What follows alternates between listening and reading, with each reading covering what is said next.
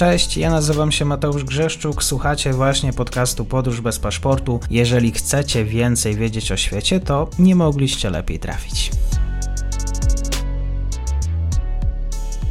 Partnerem odcinka jest Oanda, TMS Brokers, dom maklerski obecny na rynku już od ponad 20 lat. W opisie odcinka znajdziecie link do aplikacji, w której możecie otworzyć konto maklerskie i grać na giełdzie, a wcześniej potrenować na koncie demonstracyjnym. Jeżeli otworzycie konto za pośrednictwem tego linku, dostaniecie na start książkę o tematyce inwestycyjnej. Zapraszam, Mateusz. Dzień dobry Państwu, dzień dobry wszystkim słuchaczom. Komentarz na gorąco, bo dzieje się na Kaukazie, a nie tylko. Armenia, Azerbejdżan Państwa interesuje. Dzisiaj o Gruzji. Dr Bartłomiej Krzysztan, Instytut Studiów Politycznych Polskiej Akademii Nauk. Dzień dobry. Dzień dobry, dziękuję bardzo za zaproszenie. Salome Zorabiszwili swoje, a parlament gruziński swoje, zgadza się? Można tak powiedzieć. To nie nowość, bo to już sytuacja, która wpisywać trzeba w szerszy kontekst, bo ten konflikt już od jakiegoś czasu trwa, ale faktycznie w kilku ostatnich dniach ma swoją intensyfikację. I co się takiego wydarzyło w trakcie ostatnich dni, że rzeczywiście taka, tak, takie napięcia na tej linii, tutaj pewnie wchodzą w grę podróże pani prezydent.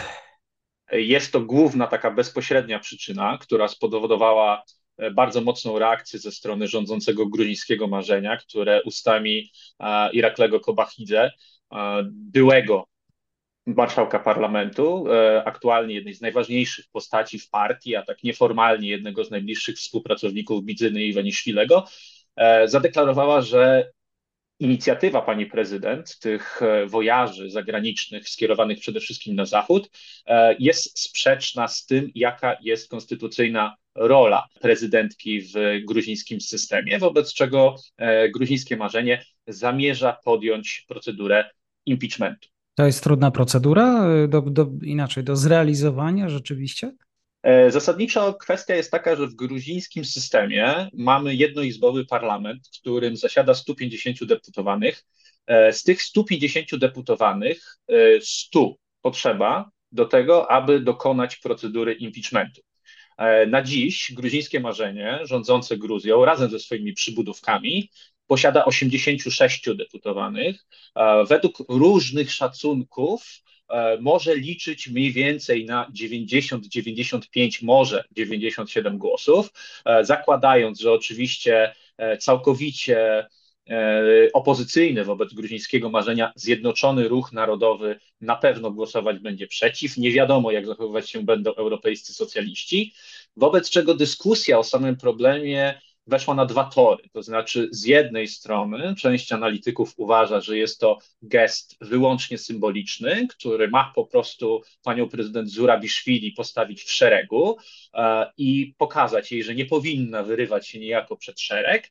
Natomiast Większe szacunki wskazują, że gdybyśmy mieli do czynienia z jakąś taką próbą, może nie tyle korupcji politycznej, ale próby przekonywania opozycyjnych polityków, to być może nawet te 100 głosów zebrać by się udało.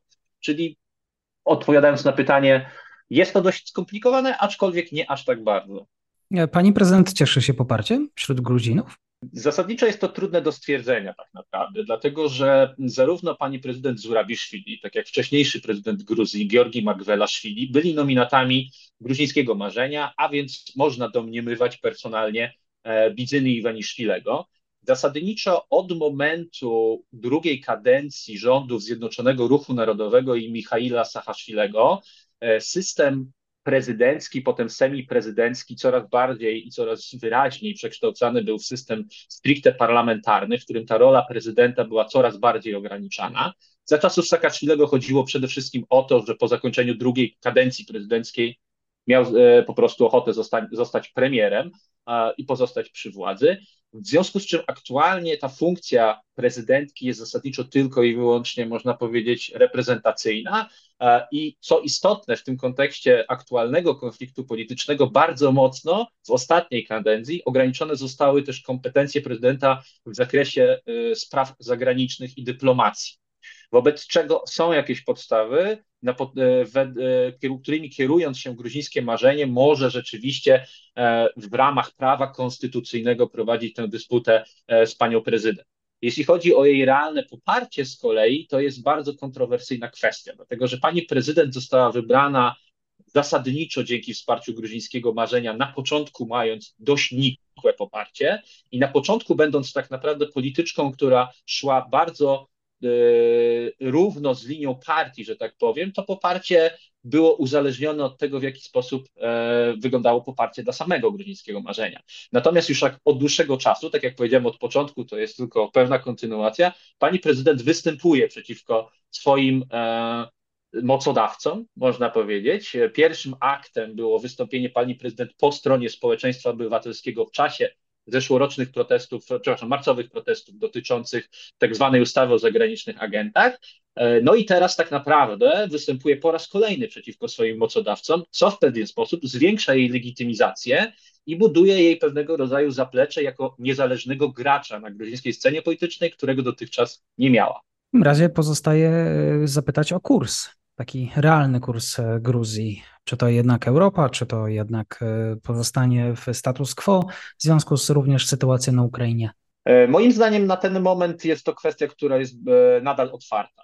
To znaczy, jak najbardziej można znaleźć tu dużo argumentów, które skłaniałyby do pesymistycznego, z perspektywy oczywiście polskiej i zachodniej, E, patrzenia na to, w którą stronę zmierza Gruzja, dlatego że przyzwyczailiśmy się przez wiele lat, że jednak jest to taka ostoja demokracji w tym świecie postsowieckim na Kaukazie Południowym, która w ciągu kilku ostatnich lat skręciła dość mocno w stronę na pozycje prorosyjskie. Natomiast trzeba tu wziąć pod uwagę nie tylko samą dynamikę wewnętrzną w Gruzji, ale trzeba też wziąć pod uwagę to, w jaki sposób wyglądają tutaj roszady międzynarodowe.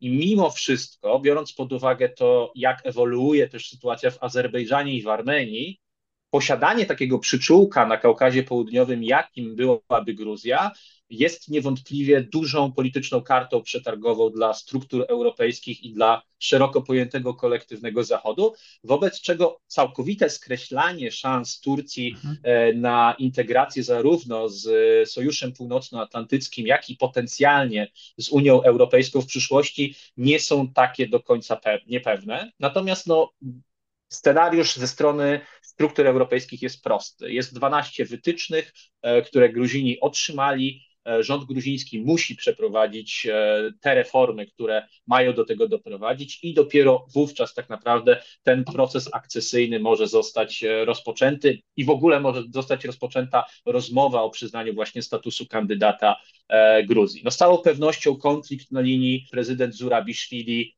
rząd nie sprzyja. Natomiast z drugiej strony ten konflikt powoduje, że polaryzowana bardzo mocno gruzińska scena polityczna w pewien sposób się ożywia, wobec czego można się zastanawiać nad tym, czy wokół pani prezydent nie skonsoliduje się przed przyszłorocznymi wyborami parlamentarnymi jakaś nowa opozycyjna siła polityczna. Co wiemy właściwie na temat e, jej poglądów? Bo też pewnie podejmowałaś inicjatyw, które parlamentowi się nie podobały. E, przede wszystkim, jeśli chodzi o jej poglądy w tym kontekście, o którym rozmawiamy, to trzeba zwrócić uwagę na to, że ona od samego początku swojej prezydentury przez żaden moment nie wykazała jakiegokolwiek, nie, nie pokazała żadnego sygnału, że może zgadzać się na prorosyjską linię reprezentowaną przez wielu polityków gruzińskiego marzenia.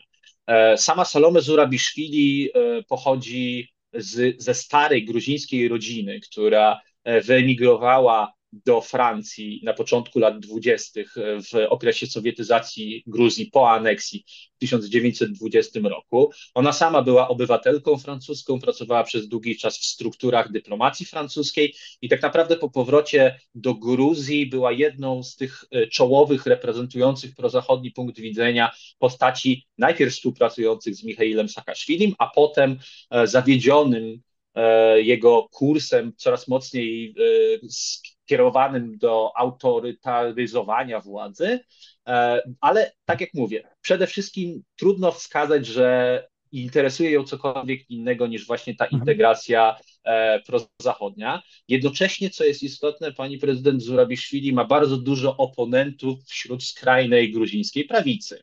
E, wytyka się jej bardzo często, że nie mówi czystym gruzińskim, że popełnia błędy, co rzekomo miało mieć miejsce na początku jej kariery politycznej po powrocie do Gruzji, e, wobec czego jej pozycja, można powiedzieć, jest w jakiejś mierze wyśrodkowana. A wśród gruzińskich e, wyborców coraz wyraźniejszy jest trend, co pokazują badania socjologiczne, że ta polaryzacja i rozdarcie pomiędzy e, partiami post-saakaszwilowskimi, e, Zjednoczonym Ruchem Narodowym i gruzińskim marzeniem jest coraz większe, jest zmęczenie tą polaryzacją, wobec czego właśnie można domniemywać, że być może udaje się zbudować jakieś zaplecze polityczne, aczkolwiek to jest daleka droga do tego jeszcze. Tak jest, bardzo dziękuję za dzisiejszy komentarz. Kłaniam się, do usłyszenia Bartłomiej Krzysztof. Dziękuję bardzo.